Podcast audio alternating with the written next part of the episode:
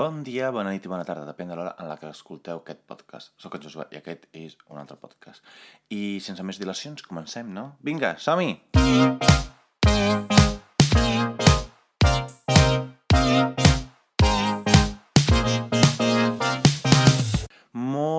Doncs avui us parlo d'un nou tema, una cosa que m'ha passat i m'ha vingut bastant de rebot, o sigui, sense esperar-me ni res, però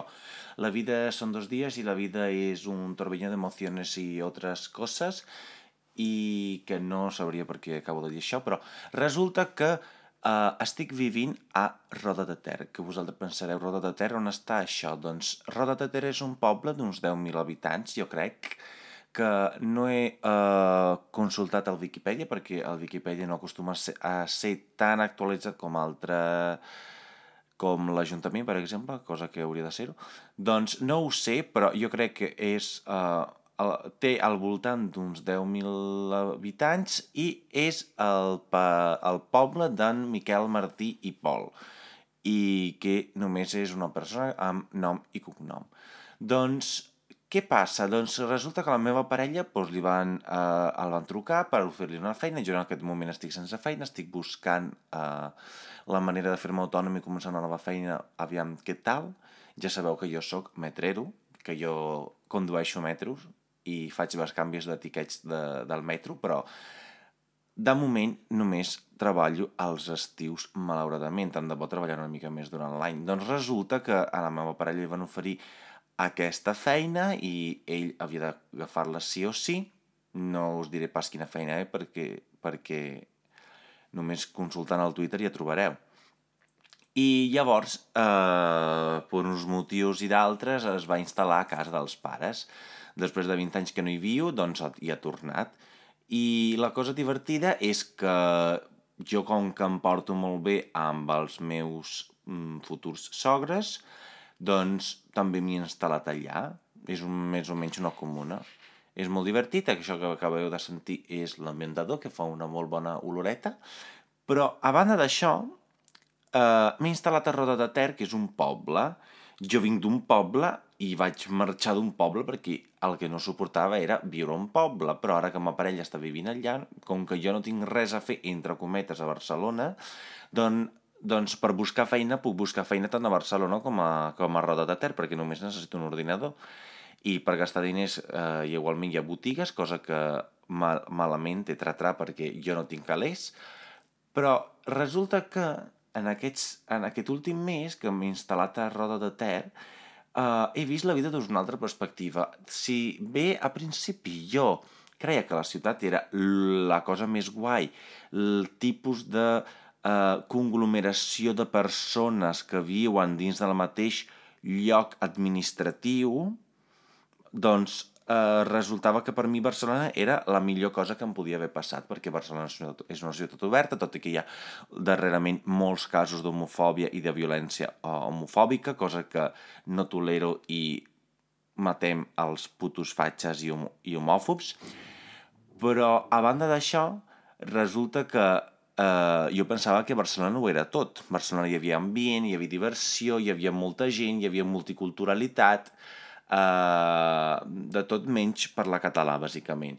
I resulta que ara que m'he traslladat allà a Roda de Ter, a Osona, aquesta comarca, doncs també es diu que Vic és la capital catalana de Catalunya, doncs estic allà i primer parlo català cada dia, Uh, segon, se m'estan enganxant tipus de para paraules, maneres de dir típiques d'allà. Per exemple, ara no he fotut res, sinó que no he cardat res. Uh, però, a banda, hi ha un altre ritme de vida que, la veritat, no em desagrada gens. Cosa que abans igual potser no podia tan valorar-ho quan jo vivia al poble, però perquè quan jo vivia al poble la meva vida estava condicionada, condicionada pels meus pares, perquè jo podia fer certes coses sempre que els meus pares em donessin la, el via lliure. Cosa que, en canvi, aquí a Barcelona és diferent, perquè jo faig el que em rota, sincerament, o el que em permeten les meves butxaques. I ara que estic que els sogres, però a banda de que els sogres també jo tinc la meva llibertat, jo puc fer, entre cometa, el que em dóna la gana. O sigui, jo no he de donar compte, de rendir compte a ningú. Però resulta que estava allà i aquesta vida més relaxada, aquesta cosa de quedar-se a casa, doncs ho he valorat molt, aquest, aquesta cosa de tenir un, una casa i no pas tenir un pis, tenir molt, molt més espai, més eh, moviment dins de casa, no haver de sortir perquè ja tens un jardí que ja pots trepitjar-lo sense necessitat d'haver-te de colar, de colar als par al Parc de les Glòries, aquell que encara han d'obrir, doncs ho he valorat, ho estic valorant molt. I una cosa que m'ha semblat molt preciosa, que llavors això me'n recorda molt la, al principi de la, de, del musical del Zac Efron, que ara no recordo com es deia, però crec que deia que, que hi havia la senyora, aquesta gorda, que deia Good Morning Baltimore, i obrida el, els balcons, els porticons de fora, precioso i, i entrava aquest sol que t'il·lumina, t'entra per dins, t'escalfa, tot i que facin 8 graus pel matí i no faci gens de calor. Però meravellós. I pensava, ai, m'encantaria perquè jo em veia allà amb, la, amb el batín que passava finestra per finestra de, de la planta baixa aixecant totes les persianes per poder fer entrar el sol mentre em prenia el meu cafè i em, fu em fumava un cigarro. I, i la veritat que estic valorant perquè últimament la meva parella va fer un article que vaig trobar molt interessant eh, sobre Barcelona i ell el que explicitava era que hi ha aquesta contraposició, aquest divari entre Instagram i, i Twitter. Llavors, eh, Barcelona, per Insta segons Instagram, és una ciutat bonica, preciosa, eh, gravada i eh, eh, immortalitzada, crec que es digui, perquè jo estaria dient immortalata, eh, de diferents eh, en, com es diu, de diferents racons i perspectives, que és preciosa amb, o sense filtres. En canvi, Twitter és eh, tot el contrari, o sigui, tota la Barcelona podrida, fastigosa, bruta... I clar, mm, últimament jo no em sentia bé Barcelona, però no perquè no sigui la meva ciutat, perquè jo considero que tot i que, tot i que fa 4 anys, 5 que hi visc, doncs Barcelona segueix sent la meva ciutat però... Uh, I és la meva ciutat, no segueix sent, és la meva ciutat, però el tema és, de debò només Barcelona o també hi ha altres zones de Catalunya que poden representar-me o poden donar-me una vida bona? Ara, jo no crec que jo pugui viure a Roda de Ter, això ho tinc molt clar, jo sé que aquest període és un període de pas en el que um, m'instal·lo allà, en el qual uh, jo m'instal·lo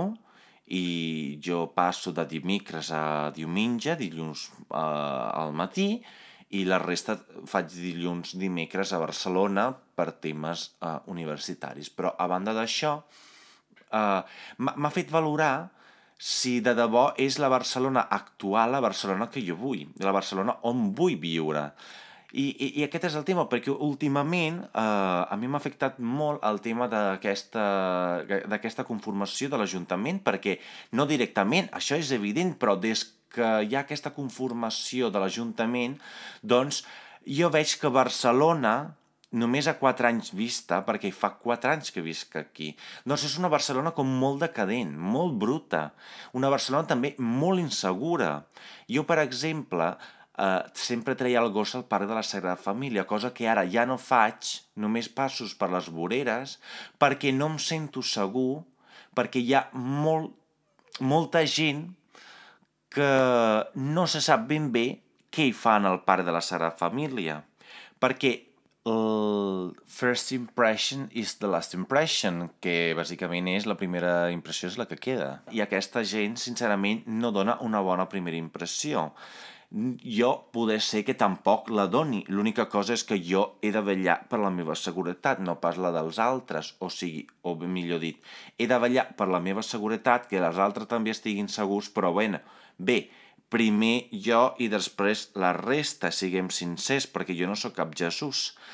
I resulta que, clar, últimament em fa bastanta por, bastanta angúnia fer voltes per, per, pel meu barri perquè no em sento gens segur. Sí que és cert que no, no arriba a ser a, a uns nivells d'inseguretat que jo digui, mare de Déu, no puc sortir de casa, estic a Caracas, que no sé si quan surto a, a, a, a, encardaran un tret a, a, al cap, però clar, no sé si ben bé Barcelona ha de ser això, perquè sincerament jo no sé si Barcelona és la portada, en plan, Barcelona preciosa i vius una merda,